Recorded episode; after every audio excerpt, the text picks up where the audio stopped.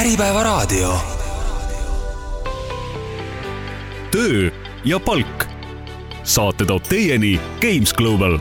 tere tulemast meie ajastusse. tere, head kuulajad saade, mida kuulata, on Töö ja palk ning täna on minuga stuudios globaalne värbamisjuht ja koolitaja Renita Käsper ning Eesti esimese värbamistarkvara rekrur.ee asutaja ja tegevjuht Marit Alaväli ning me räägime tehnoloogiast personalitöös. mõlemad tublid ja ägedad naised astuvad juba oktoobris üles ka personalitööd ja tehnoloogiat ühendaval konverentsil HRTech kaks tuhat kakskümmend kolm.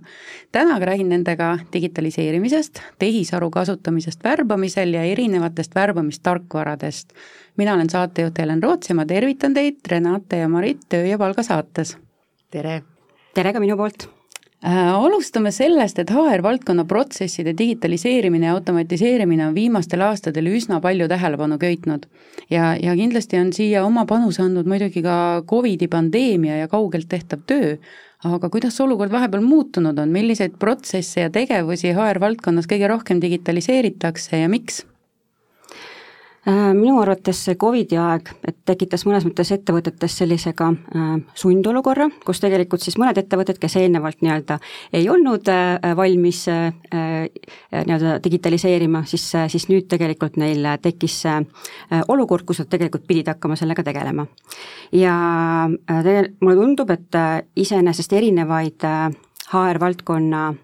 rakendusi ja tarkvarasid on hakatud kasutama, mitte ainult värbamistarkvarasid, vaid ka näiteks eh, eh, kas siis erinevaid tööaja arvestussüsteeme, personaliarvestussüsteeme ja samuti ka eh, on hakatud juba kasutama ka selliseid rakendusi, mis aitavad ka inimeste vaimset tervist tegelikult toetada. ahhaa, lausa nii? jah ja, ja mm, Renita, kas sina lisaksid äkki, mida värbamises kõige rohkem digitaliseeritakse? Jaa, et võib-olla, võib-olla isegi sellele Mar-, Maritile lisaks, et, et ma arvan, et kaug- ja hajustööd on hästi keeruline teha tegelikult, kui sa ei ole tegelenud digitaliseerimisega et kui nüüd mõelda, et, et ettevõte on globaalne või su ettevõtte üksused on üle maailma või siis nad, inimesed on oma kodudes, siis tegelikult äh, eduka ja efektiivse töö tegemiseks on, kui vaja digitaliseerida ja erinevad tarkvarad kasutusele võtta, mis sind aitaksid, eks ju. ja värbamise poole pealt, noh mina olen suur fänn selles, et et äh, kõik, mida robot aitab ära teha, tuleks lasta robotil ära teha ja et inimesed saaksid tegeleda siis äh, nende asjadega, milles nemad kõige paremad on. nii et võimalikult palju värbamisprotsessis ja tegelikult ju värbamistarkvara on värbamisprotsessi osa, need ei ole kaks erinevat asja, et ehk sa ehitadki selle juba protsessi sisse. nii et jah, et, et kõik, mida võimalik, hakkame aga automatiseerima ja digitaliseerima ja, ja asjad siis Excelist, paberist ja emailist välja äh,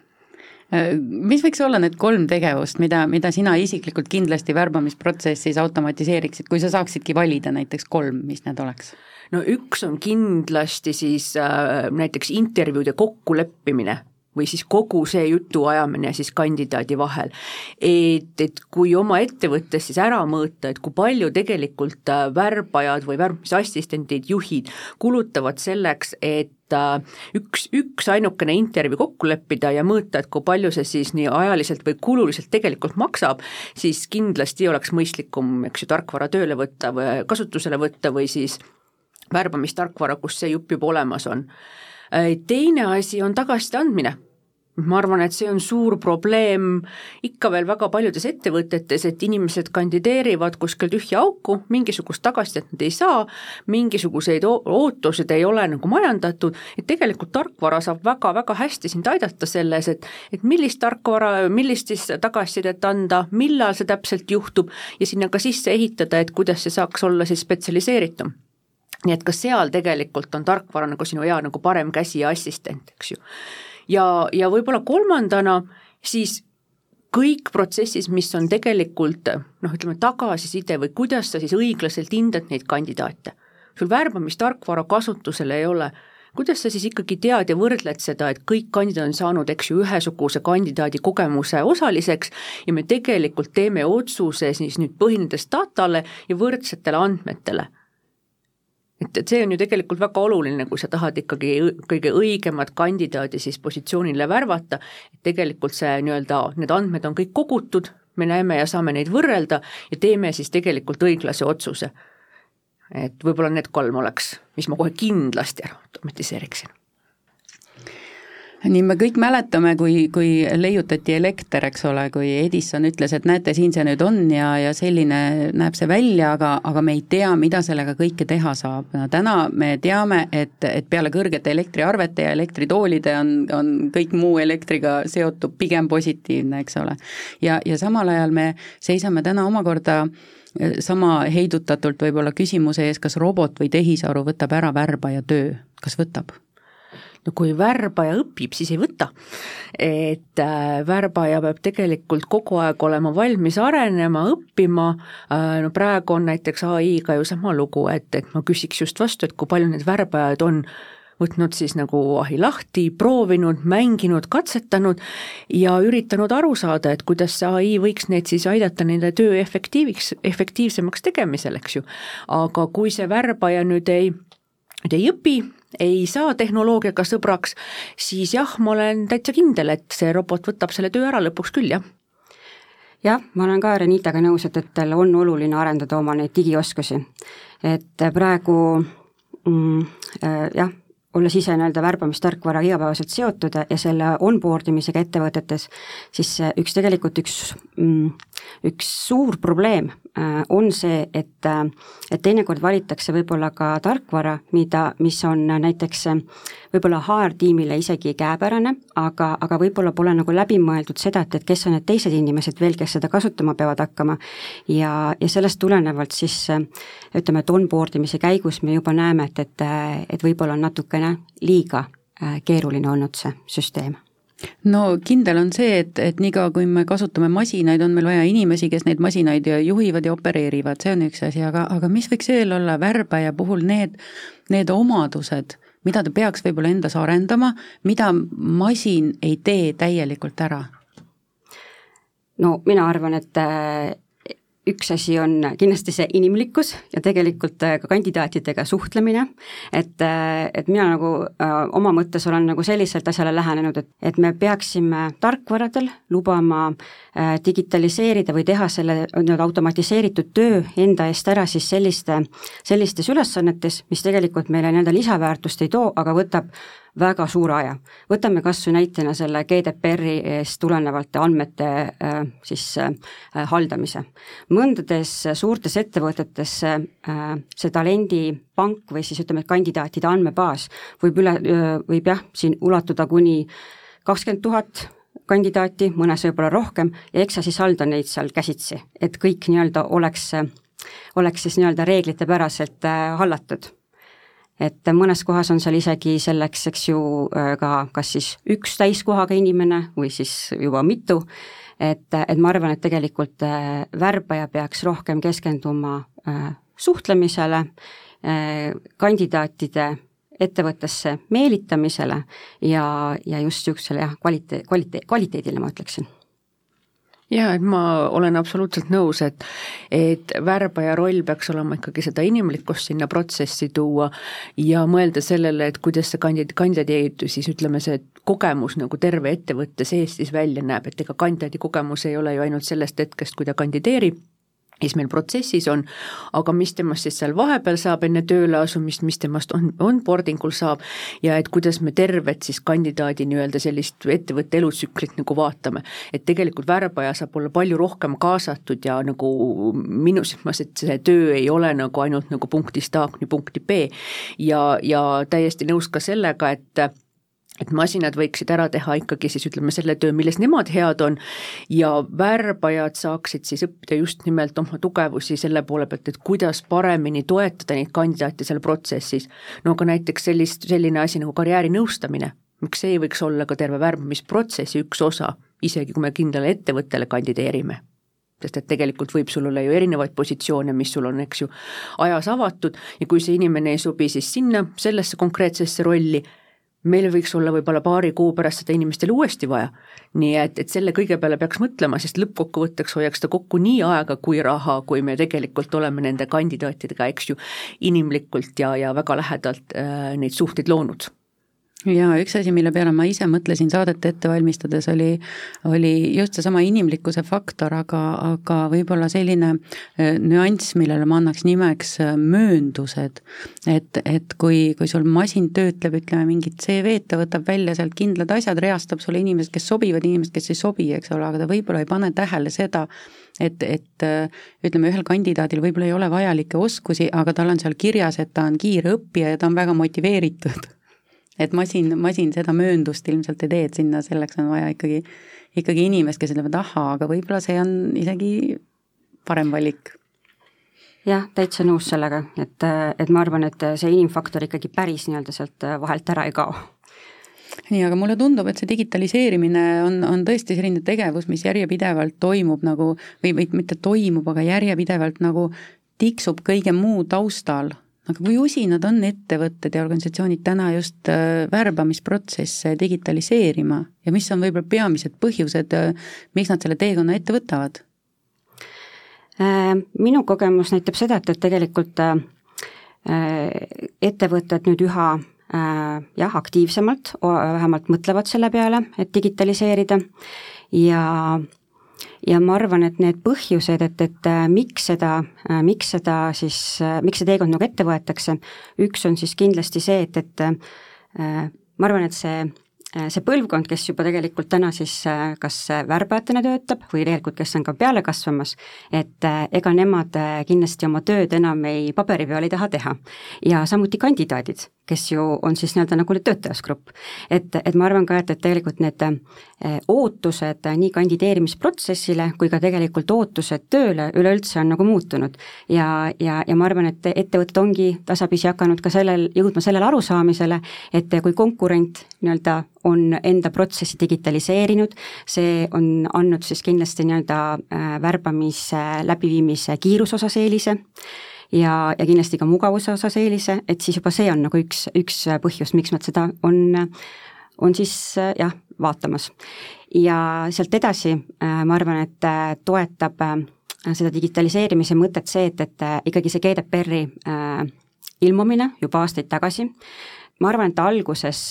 kui need nõuded tulid, siis see lõi väga suure segaduse eh, nii ettevõtetes, siis eh, värbajates, siis samuti ka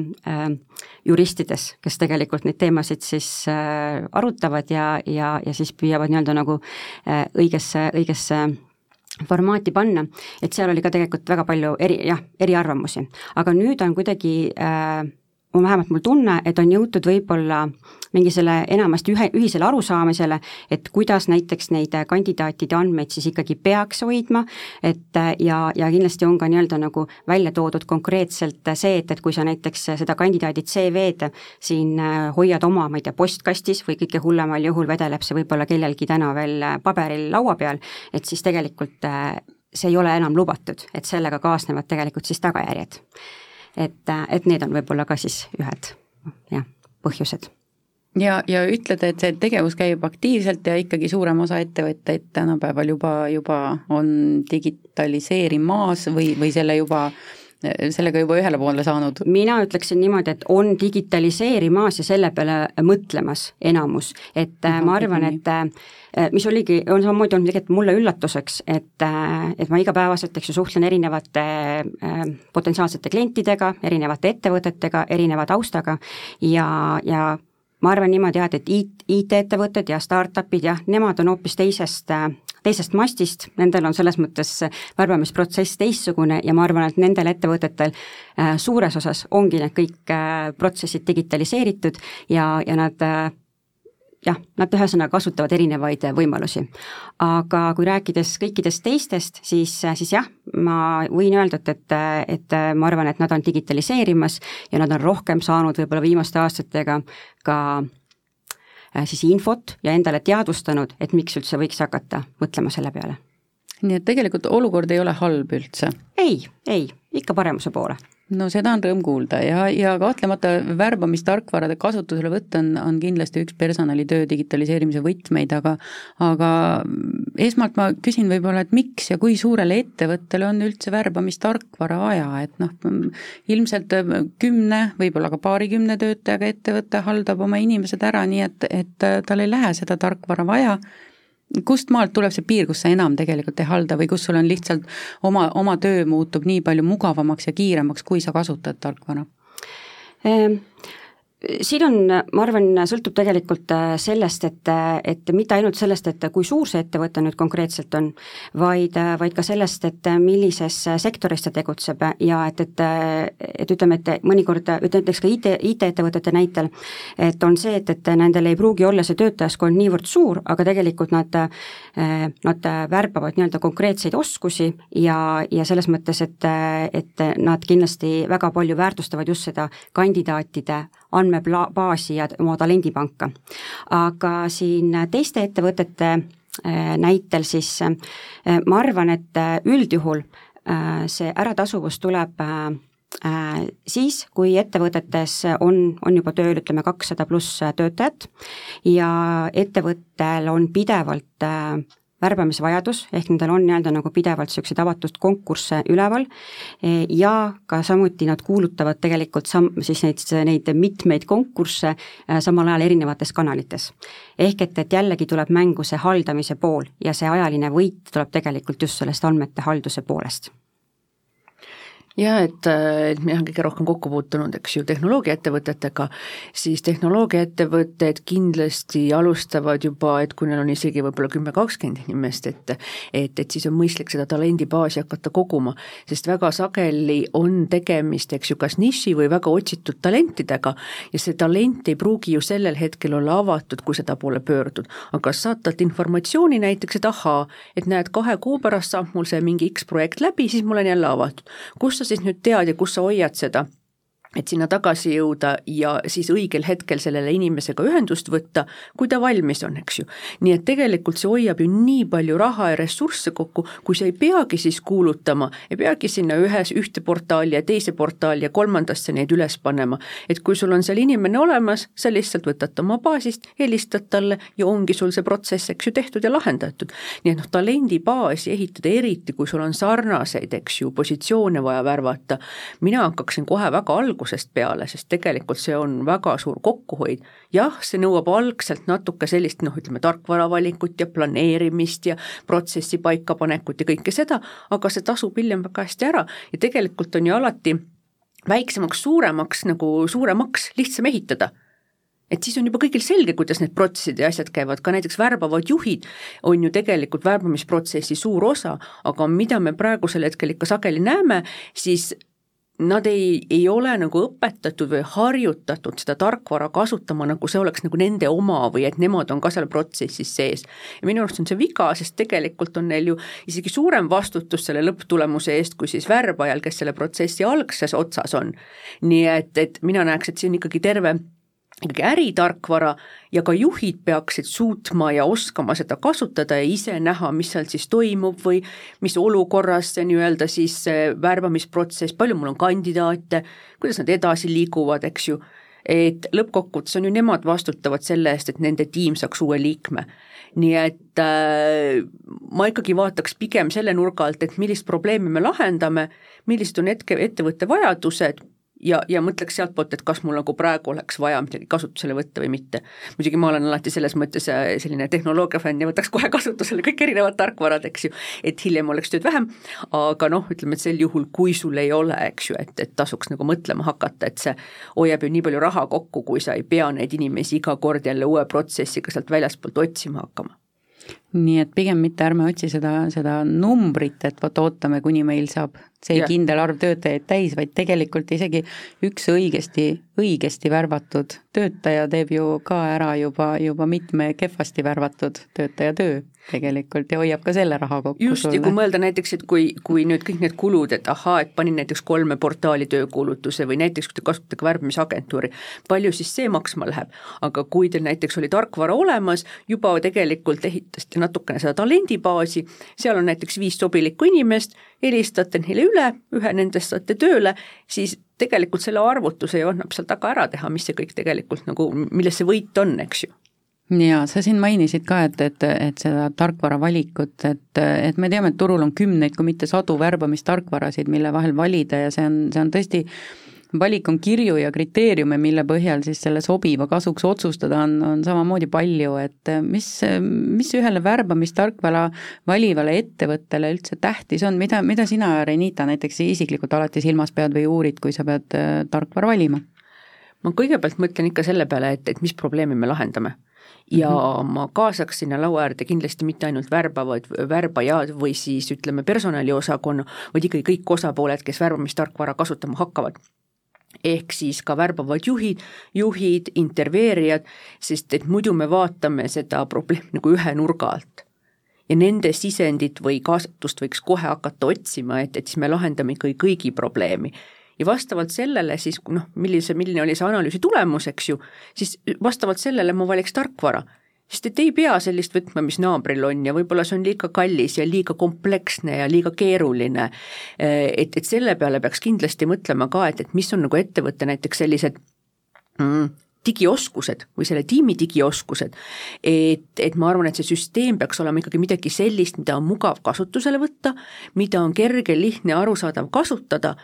ja, ja et kus me nagu näeme seda, et kui me selle selgeks õpetame ja harjutame, et siis see oleks midagi, mis tõesti nagu noh, toob seda efektiivsust või mis on lihtne sest muidu tekib nagu suur vastupanu seal ja siis võid osta, eks ju, erinevaid niisuguseid väga-väga nagu lahedaid vidinaid kokku ja siis lõppkokkuvõttes keegi ei taha neid tegelikult kasutada ja nad väidavad, et need ei aita kuidagi. Aga ma arvan, et sageli on see probleem selles, et nad noh, ei tea, ei oska, keeruline, hästi palju siiamaani arvatakse, et ma teen katki kuidagi selle asja, kui ma vajutan mingile nupule, et, et noh, kõik niisugused hirmud tuleks nagu maha võtta, et tegelikult see tehnoloogia on ju seal, et, et aidata, eks ju mainisin ka ära, et raha, väga konkreetne põhjus, eks ju, et äh, peaks mõtlema, et kui palju meil ikkagi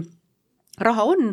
ja, ja tarkvara on ju väga-väga erinevas hinnaklassis. Nii et vaadata, et kus on ikkagi olemas siis kõik, mis mul hetkel praegu vaja on või noh, nii palju kui võimalik ja mis siis on ka selline, et ta on mulle praegusel hetkel nagu taskukohane, pluss ka võib-olla korrelatsioonis sellega, et et kui suur ettevõte on või kuidas meil läheb ei ole ju mõistlik osta mingit väga kallist tarkvara ja tegelikult me võib-olla oleme startup, kes veel ei ole võib-olla kuskile kasumissegi jõudnud, et kuhu me selle raha tegelikult nagu paneme. Ja võib-olla üks osa, mis, mis mina olen ise kogenud, mis väga paljudel suurtel tarkvaradel tegelikult äh, puudu jääb, on kasutaja tugi ja ma ei mõtle seda chat-robotit, eks ju, mis on ka väga tore seal kõrval, eks ju, aga et päris inimene, et kui see ettevõte tegelikult annab sulle nagu päris inimese ja siis toe näiteks ka implementeerimisel või, või koolituse, eriti sel juhul, kui sul enne ei ole tarkvara ettevõttes kasutusel olnud, on see väga oluline. ja, ja ma arvan, et, et veel peaks mõtlema, et kas on oluline siis see keel, on oluline, kas kõik saavad hakkama ingliskeelse tarkvara, kas kõik saavad hakkama ingliskeelse kasutus, kasutajatoega. Et kui ei saa, siis ikkagi peaks jälle vaatama, et kas on tarkvara turul, kus ütleme, et need võimalused olemas on, siis muidu inimesed ei hakka kasutama seda jälle ja kui tekib probleem, siis ongi see, et nad on nagu võib-olla sul päevaks seal, eks ju, kinni, ei julge küsida ka, ei julge öelda, et tegelikult ma ei saanud aru, ei julgenud selle robotiga rääkida ja nüüd ma ei tea, et kuidas seda, ma ei tea, asja siit üles saab või kuidas sinna nupu peale ikka vajutada. et noh, niisugused esimesed asjad, mis mulle meelde tulevad, aga Maritel on kindlasti veel jah, ega põhimõtteliselt äh, ma arvan, et äh, ma ise vaataksin äh, jah, sama nurga alt. Jah, teiste kasutajate digioskusi võib-olla natuke rohkem analüüsiks, vaataks, et, et kuidas just, et, et kuidas, et ühesõnaga, et eesmärk olekski see, et, et et tegelikult, et, et kaasata ju terve, terve organisatsioon nii-öelda sinna värbamisse. ehk et, et, et teeksid omavahel koostööd hästi nii värbajad, juhid ja siis loomulikult kolmanda poolena see kandidaat. et siis tegelikult need kolm osapoolt nii-öelda saaksid nii-öelda selles protsessis osaleda, eks ju, produktiivselt ja, ja läbipaistvalt. et, et nii, nii ta on, jah jaa, et, et ma arvan, et oluline on ka mõelda, et, et, et milliseid integratsioone on vaja su värbamistarkvaral. et kas, ja need, kas need on siis nagu globaalsed või lokaalsed, eks ju, et, et ma mõtlen sellele, et kohalikult näiteks tööportaalid, need võivad olla kõik väga erinevad erinevatel turgudel ja maades, et, et kas need on nagu vajalikud, ei ole vajalikud, on see nagu ütleme, et globaalne tarkvara, on kohalik tarkvara, et seda peaks ikkagi ka nagu silmas pidama kindlasti, et, et kui seda tarkvara nagu valida, et kuidas ta ikkagi meil tööd lihtsamaks teeb. nii, ja Maritil oli samamoodi üks mõte Äh, minul oli jah mõte selle kohta, et, et et kui me eelnevalt äh, rääkisime sellest, et, et, et, et nii-öelda, et kuhu investeerida tegelikult äh,, kui me, kui me värbame, et millistesse kanalitesse ja, ja, ja keskkondadesse, et äh, tegelikult praegu praktika on näidanud ka seda, et nendel ettevõtetel, kellel ei ole värbamistarkvara kasutusel, siis äh, nad tegelikult väga paljuski ei kogu ka seda Äh, analüütikat. ehk tegelikult neil ei ole nii-öelda selliseid struktureerituid andmeid, äh, statistikat, mille põhjal võib-olla teha need parimad valikud. et, äh, et arvatakse küll, et, et näiteks, et kui ma kuulutan ühes konkreetses võib-olla portaalis või, või, või siis jah, keskkonnas, et, et, et see on kindlasti nii-öelda nagu see edu võti, aga tegelikult kui hakata süvenema andmetesse ja siis neid asju analüüsima, siis võib osutuda hoopis see kanal täiesti Äh, et ei ole mõtet investeerida sinna selliseks siis nii, aitäh nende lisanduste eest ja, ja nagu me rääkisime, maailmaturul on tõesti palju värbamistarkvarasid, aga Marit, sina esindad Recruuri. milliseid väljakutsed või, või, või kelle probleemi Recruur lahendab ja millisele sihtgrupile see tarkvara suunatud on? Äh, jah, globaalsel turul on tõesti väga palju pakkujaid ja, ja, ja väga palju häid tarkvarasid et kui pannagi Google'i otsingusse, siis, siis põhimõtteliselt tuleb suur list nendest ette ja hakka ka vaatama, milline siis see sinu, sinu, sinule sobilik on. aga Recruuriga meie põhiliselt tegelikult keskendume siis nendele ettevõtetele, eh, kes ongi, eh, kes siis, kes siis tegelikult viivad läbi eh, värbamist rohkem tradi-, traditsioonilisemal moel ja kellel siis on, nad on jah, siis nagu suuremad ettevõtted, et ütleme, et me, see töötajate arv jääb seal kakssada pluss ja nendel on pidev nii-öelda see värbamise vajadus ja samuti ka äh, vajadus kuulutada äh, neid tööpakkumisi siis äh, lokaalsetes tööportaalides. ja sihtgrupid meie klientidest jah, et, et enamus on siis, nad ongi kas siis tootmisettevõtted, samuti teenindusest, Äh, logistikast, äh, et, et selles mõttes, et see äh, sektori põhisus võib-olla ei olegi nagu niivõrd oluline, aga pigem on just ne, see oluline, et, et et, et nendel on nii-öelda nagu vajadus digitaliseerida, struktureerida see värbamisprotsess ja samuti nendel on ka väga tugev soov kaasata oma juhid sinna protsessi. aga miks just selline sihtgrupp sai valitud? Jah, hea küsimus. Äh, see sai valitud tegelikult äh, sellepärast, et äh, me nägime mm, või ütleme, kogesime seda, et, et ütleme, et IT-ettevõtted ja samuti siis startup'id, et nemad on, nende värbamisprotsessid on täna ikkagi teised, nad source ivad palju ja teevad headhunting ut, aga, aga need traditsioonilisemad ettevõtted, nendel on ne-, äh, jah, nendel on selles mõttes niisugust andmemahtu päris palju, mida töödelda, hallata ja, ja ja seal on tegelikult vajadus selliste, sellise lihtsa töövooga tööriista järgi, mis oleks siis ka nii-öelda jõukohane kasutada, eks ju, nii värbajatele kui ka juhtidele. no nii, ja seda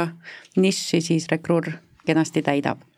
aga on teil, Renita ja Marit, jagada HR-juhtidele ka mingeid nippe või näpunäiteid, et kuidas juhtkonnale see digitaliseerimise idee maha müüa, sa ütlesid, et, et nad on seda, ettevõtted on seda tegemas või äh, selle peale mõtlemas. et kui nüüd äh, ütleme, personaliosakond äh, on otsustanud, et see oleks nüüd hea mõte, siis missuguse nipiga või knifiga või, või missuguse jutuga minna seda siis ülespoole maha müüma? Äh, jah, mina, äh, mina olen äh, kogenud seda, et, et võib-olla, mm, et teinekord personalijuht ise peaks olema selles mõttes selline aktiivne, sellesse ideesse uskuma ja tegelikult tahtma läbi viia seda innovatsiooni ettevõttes. ja ja kui ta ise sellesse usub ja on nii-öelda ära kaardistanud need konkreetsed probleemid, mida nad tegelikult siis äh, üheskoos kõik lahendama hakkavad, äh, siis järgmine samm on tegelikult seda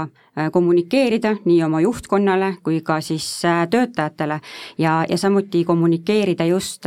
oma ettevõtte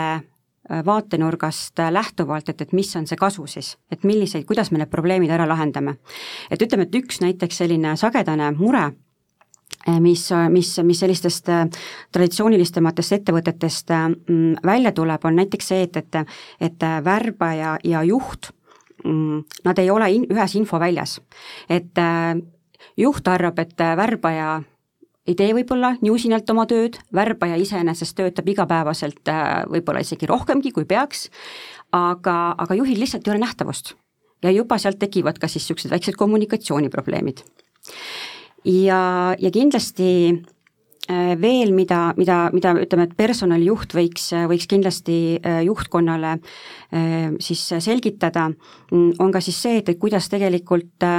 millal see tarkvara siis ka nii-öelda rahaliselt hakkab ära tasuma. et äh, teha siis väiksed arvutused nii-öelda, et enda ettevõtte siis äh, nii-öelda numbrite põhjal ja, ja saab tegelikult näidata ilusti ka seda poolt ja see on kindlasti väga veenev juhtidele, aga mm, -hmm. aga kuidas äh, motiveerida oma meeskonda seda protsessi ette võtma? mul on siin tegelikult selle kohta tuua üks eluline ja, ja ma arvan, et väga edukas näide, mida ma soovitan mida ma soovitan tõesti kaaluda, ükskõik tegelikult, millist tarkvara te lõpuks äh, siis äh, soovite onboard ida. et äh, noh, nagu öeldakse, et ikkagi kõik hakkab juhist pihta. et kui HR-juht on innovaatiline ja tahtmist täis, siis iseenesest ta on nii-öelda võimeline kaasama siis enda ideesse ka need teised liikmed aga näiteks G4S-i puhul, seal me juurutasime tarkvara väga suurele seltskonnale ja enamus nendest olid äh, meesterahvad ja see protsess tegelikult algas pihta selliselt, et äh, me äh, G4S-i siis äh, värbamistiimiga leppisime kokku, et, et mis on nii-öelda need sammud. et me alustasime tegelikult sellest, et, äh, et me tegime nendega ühiselt väikese sellise infotunni äh, kõikidele siis värvavatele juhtidele, et üldse nii-öelda nagu selgitada seda, et, et miks see ettevõte seda vajab, mis on siis, mis hakkab, mis üldse nagu muutub peale seda ja milline see saab olema siis nii kasu kandidaadile, värbajale kui ka siis sellele värbavale juhile ja tervele ettevõttele. et see oli niisugune nagu esimene samm. siis järgmine samm oli see, et, et äh, valiti välja ettevõtte sees tegelikult äh, sellised äh,, selle idee saadikud äh,, kaks värbamis äh,, värvavat juhti ja, ja ja, ja sellest järgmisena me tegime siis äh, väikese koolituse nendele värbavatele juhtidele. Äh, ja õpetasime ja näitasime, et, et kuidas äh, tarkvara töötab ja kõik asjad. Ja, ja sealt tegelikult nad said niisuguse positiivse noodi, läksid juba nii-öelda nagu pinged maha, et, et tegelikult on päris kihvt ja päris, päris nagu niisugune innovaatiline ja et, et võiks küll nagu töö, meie igapäevast töövoogu siin aidata parandada. ja, ja selleks ajaks, kui me hakkasime tegelikult gruppe koolitama, olid need saadikud äh, selle ettevõtte siseselt teinud väga head tööd. Ja, ja ma, ja ma ütlen, et äh, mulle väga meeldis see, et, et nendel äh, grupikoolitustel inimesed olidki selles mõttes, nad olid äh,, nad olidki uudishimulikud keegi ei istunud kuidagi käed siin nii-öelda jah, kuidagi niisuguses käed enda ümber, vaid, vaid pigem olidki avatud ja mõtlesid kaasa. Ja selles mõttes ma ütlen, et see on niisugune hea, hea näide, mida soovitan teistel ka sealt natukene kohandada enda konteksti ja, ja praktiseerida nii, olgu peale, kui see tarkvara nüüd on välja valitud, siis sa juba mainisid ka seda toredat sõna, algab uue tööriista juurutamine. kui palju aega kulub ühe värbamistarkvara juurutamisele organisatsioonis ja millest see sõltub? ja võib-olla ka millest see koosneb mm? -hmm ma arvan niimoodi, et, et siin ei ole äh, võimalik äh, öelda päris ühest nii-öelda numbrit, et vot see võtab nüüd äh, üks nädal või, või, või täpselt kaks kuud. et see sõltub tegelikult sellest, et kui kui suur org-, organisatsioon on, kui palju inimesi sellesse protsessi kaasatakse ja samuti ka sellest, et et kuidas on nende inimeste nii-öelda siis ajakavad, et leida nii-öelda üldse see aeg, millal nii-öelda kokku saada, millal aidata natukene ka kaasa võib-olla selle värbamisprotsessi ülevaatamisele teatud hetkedel. Ja samuti, et, et kui on vaja teha ka näiteks karjäärilehega liidestusi, et siis see on juba, sõltub tegelikult sellest, et millal on selle kliendipoolne IT äh, osakond äh, valmis seda tegema et, äh, et ütleme niimoodi, et Recruuri standardpakett põhimõtteliselt võta täna kasutusele kohe, kui on, kui on jah, suurem ettevõte, siis, siis ole, olgem reaalsed ja, ja, ja läheb ma arvan niimoodi, et noh, ühe kuuga on võimalik nii-öelda ilusti-kenasti juurutada. Ja tavaliselt me oleme seda vaadanud, et meie kasutajatoe mm, et kui on uus klient pardale tulnud, siis niisuguse äh, esimese äh, kuu-kahe jooksul on võib-olla, tuleb siis uuelt kliendilt kõige rohkem küsimusi ja peale seda on, on harjutud kasutama ja tegelikult kuuleme neist suht vähe nii, Renita, oskad sina lisada erinevate äh, värbamistarkvarade puhul, millest see sõltub, ütleme selle protsessi pikkus võib-olla või millist eeltööd näiteks HR-osakonnal tuleks teha? Ma arvan jah, et üks asi on kindlasti, ongi need digioskused ka, eks ju, et, et kas see seltskond, et kus me seda juurutama hakkame, on enne midagi sarnast kasutanud. et, et seeläbi noh, kuidas tehnoloogiaettevõtetes võib-olla ongi nagu lihtsam, et väga paljud nendest inimestest kasutavad juba igapäevaselt väga palju erinevaid tarkvarasid. ka näiteks ütleme, värbamisosakond, et see ei ole tavaliselt nagu esimene värbamistarkvara, mida nad kasutavad. ja need värk, värbamistarkvarad, kui erinevad ka ei ole, nad on ikkagi oma põhimõttelt ikkagi üsna sarnased ja tihtipeale nad on juba harjutanud mingeid väga kompleksseid süsteeme kasutama, see tähendab, et järgmise sellise õppimine noh, ütleme, et ei pruugi võtta üldse palju aega enam. nii et, et sellest ka väga palju, eks ju, oleneb, et, et mis, mis see üldine nagu tase on. ja, ja loomulikult, et minu meelest see näide GNLS-i puhul oli väga hea, et need olid värbavad juhid, mitte värbajad, kes olid nüüd-öelda need nagu need saadikud, eks ju. et sa viisid pigem selle nii-öelda vastutuse siis sinna nagu äri poolele, sest see on hästi oluline minu meelest kogu selle personalivaldkonna või personali tarkvaraga, et tegelikult ta hakataks vaatama kui ütleme, et äritarkvara, mis on ikkagi ärile kasulik ja, ja, ja toob seal tulemust, kui midagi, mis on kuidagi vaja nagu ainult värbavat, värbajate elu lihtsustamiseks et tegelikult ju ei ole, eks ju, tegelikult meil on kõigile vaja seda, on ju. nii et, et see on võib-olla ka niisugune üks, üks osa ja palju siis seda eeltööd on tehtud, et seal ma olen nõus, et hästi suur roll on siis sellel juhil et palju ta siis on selgitanud ja sa saad ka teha ju näiteks erinevaid, ütleme selliseid äh, brainstorming uid, kokkusaamisi, kus te arutate koos kõigepealt kas või seda, et milleks meile seda tarkvara vaja on. et millist probleemi me koos lahendame, et kui see tiim tuua nagu kaasa sinna, et nemad juba olid osaliselt aru saamaks, et milles probleem on ja nad olid juba osaliselt ka selles valikus, miks mitte. seda võrra lihtsam on hiljem seda neile nagu ütleme nii-öelda ära müüa tegelikult ei olegi vaja, nad olid ise selle valiku juures, ise ütlesid, et tahtsid, et pärast ei saa enam öelda, et no mina ei tahtnud mingit tarkvara ju. et me kõik olime koos ja võtsime koos selle otsuse vastu, et sellist lahendust on vaja siis ma arvan, et see on väga oluline osa sellest, et ei tekiks nagu sellist nagu ütleme, et nii-öelda tagasilööki, et nüüd jälle tuuakse midagi uut siin kasutusele, jube keeruline on veel, võtab veel rohkem aega kui enne kõik see asi, eks ju. et, et noh, sellega, et neid inimesi kaasata juba enne tegelikult lahendab selle küsimuse ära. Nii, hea küll, nii, me oleme nüüd äh, selle mõtte oleme maha müünud, me oleme otsustanud, mida meil vaja on, mis probleemi meil on vaja lahendada, äh, me oleme valinud välja sobiva tarkvara, me oleme äh, selle juurutanud, aga, aga mis nüüd siis praktikas on muutunud organisatsioonis sees, kui see juurutusperiood on üle elatud? Äh, tavaliselt, äh, mis on siis, mis on siis muutunud, et äh, esimene asi on see, et, et, et ma arvan, et nende erinevate osapoolte vahel ettevõtte sees siis värbajate ja juhtide vahel on tegelikult siis tekkinud läbipaistvus. Ja, ja, ja ma arvan, ka niisugune ühine arusaam, et et näiteks, et äh, miks üks või teine äh, värbamisprojekt näiteks meil kas on õnnestunud või ei ole õnnestunud, et mis on tegelikult ka nii-öelda nagu need põhjused ja kuidas me tegelikult saaksime seda asja paremaks muuta. et, äh, et see on, ma arvan, niisugune jah, väga konkreetne ja, ja, ja selge, selge asi, mis, mis muutub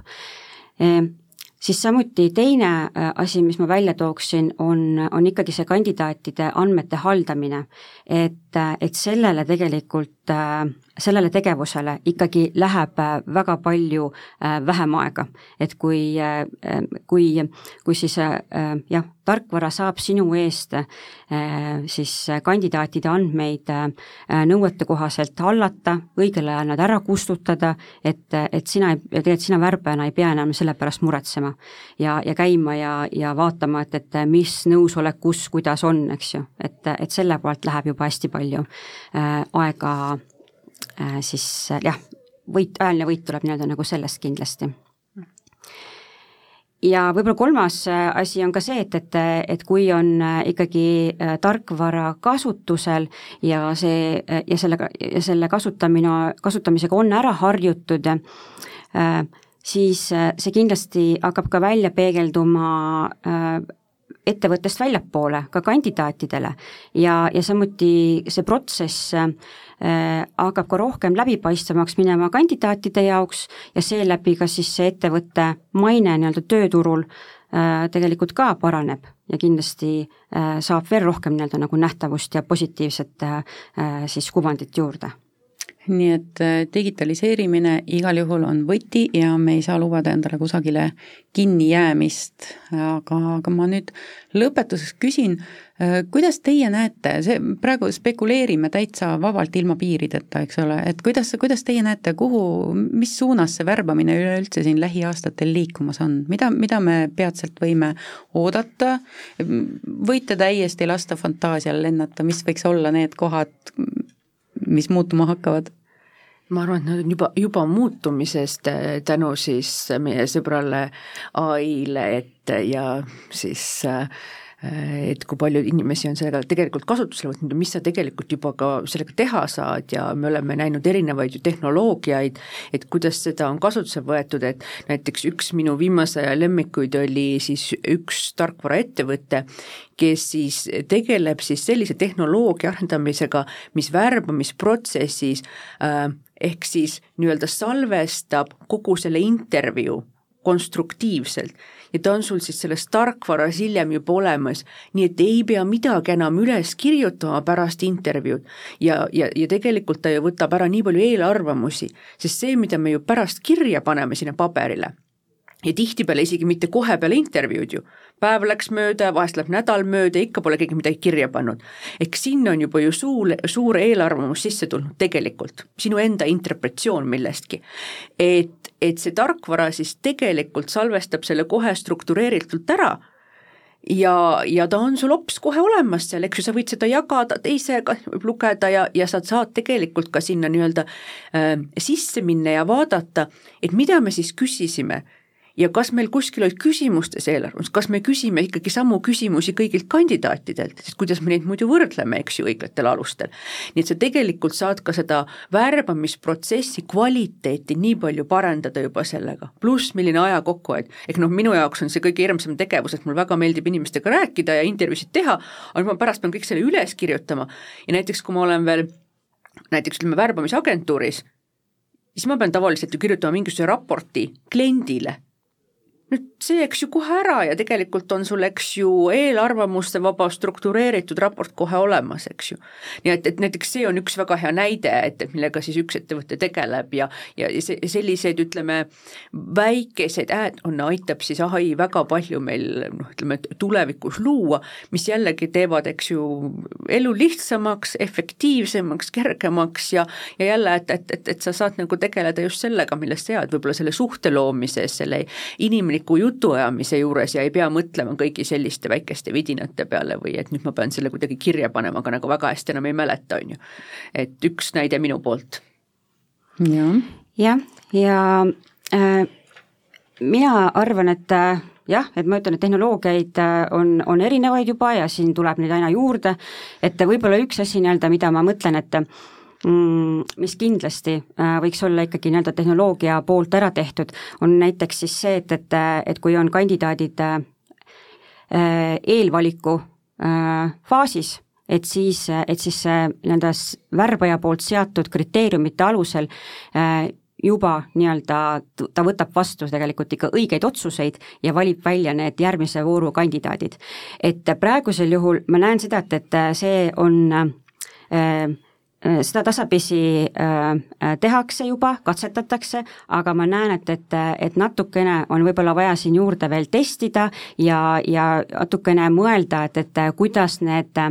et ühesõnaga, et neid vigu äh, oleks ikkagi vähem, et pärast ei pandaks pange nii-öelda nende valikutega. et see pool, jah nii, tundub tõepoolest tõenäoline, et värbaja veel niipea oma tööst ilmajäämist kartma ei pea, seda on hea teada. pigem nagu selgus, on siis tehnoloogial, sealhulgas tehisintellektil hoopis toetav roll ja et see on tegelikult hoopiski vahend või võimalus automatiseerida mehaanilisi tegevusi, et me saaksime suunata inimressurssi suuremat kohalolu või inimlikku puudutust nõudvatesse tegevustesse ja, ja kui äh, hea kuulaja personalitöö ja tehnoloogia kokkupuutepunktid sind nüüd äh, kuidagi kõnetama jäid, siis uuri kindlasti Äripäeva e-poest konverentsi HR Tech kaks tuhat kakskümmend kolm kohta, ma usun, et nende teemade hulgast leiab igaüks nii mõndagi põnevat ja ajakohast, mida kuulata. Ja ka piletid on praegu muide väga hea hinnaga saadaval. ma küsin teie käest korra, öelge kiiresti kumbki üks põhjus, äh, miks tulla HR Techi konverentsile mina arvan, et, et see on selline aasta, aasta sündmus, et kellele jah, tehnoloogia ja äh, personalijuhtimine huvi pakub, siis ma arvan, et sealt saab väga häid äh, nippe ja, ja mõtteid, et kuidas tegelikult siis äh, digitalis-, kuidas erinevaid personalivaldkonna protsesse ja äh, jah, ja siis tegevusi digitaliseerida. nii, Renita? noh, väga lihtne, et selleks, et see robot su tööd ära ei võtaks, selleks tuleb õppida siis seda robotit juhtima nii et kui me ise ei õpi ja arene, siis, äh, siis me ei, kaotamegi, eks ju, oma konkurentsieelise väga head soovitused mõlemad, ma lisan ühe omalt poolt ka, vaat me rääkisime siin, eks ole, et, et on nii palju neid kriteeriume, mille järgi tarkvara valida, aga konverentsil on, on natuke sellest tööst on sinu eest juba ära tehtud, et võib-olla sa ei pea hakkama kõike ise läbi katsetama, vaid juba saad kellegi teise kogemust kuulda, kas või pärast networking'u ajal arutada omavahel, mis teile sobis, mis teie kriteeriumid olid, mis te valisite, kuidas rahul olete. et, et ma arvan, et see networking'u osa on seal kindlasti täiesti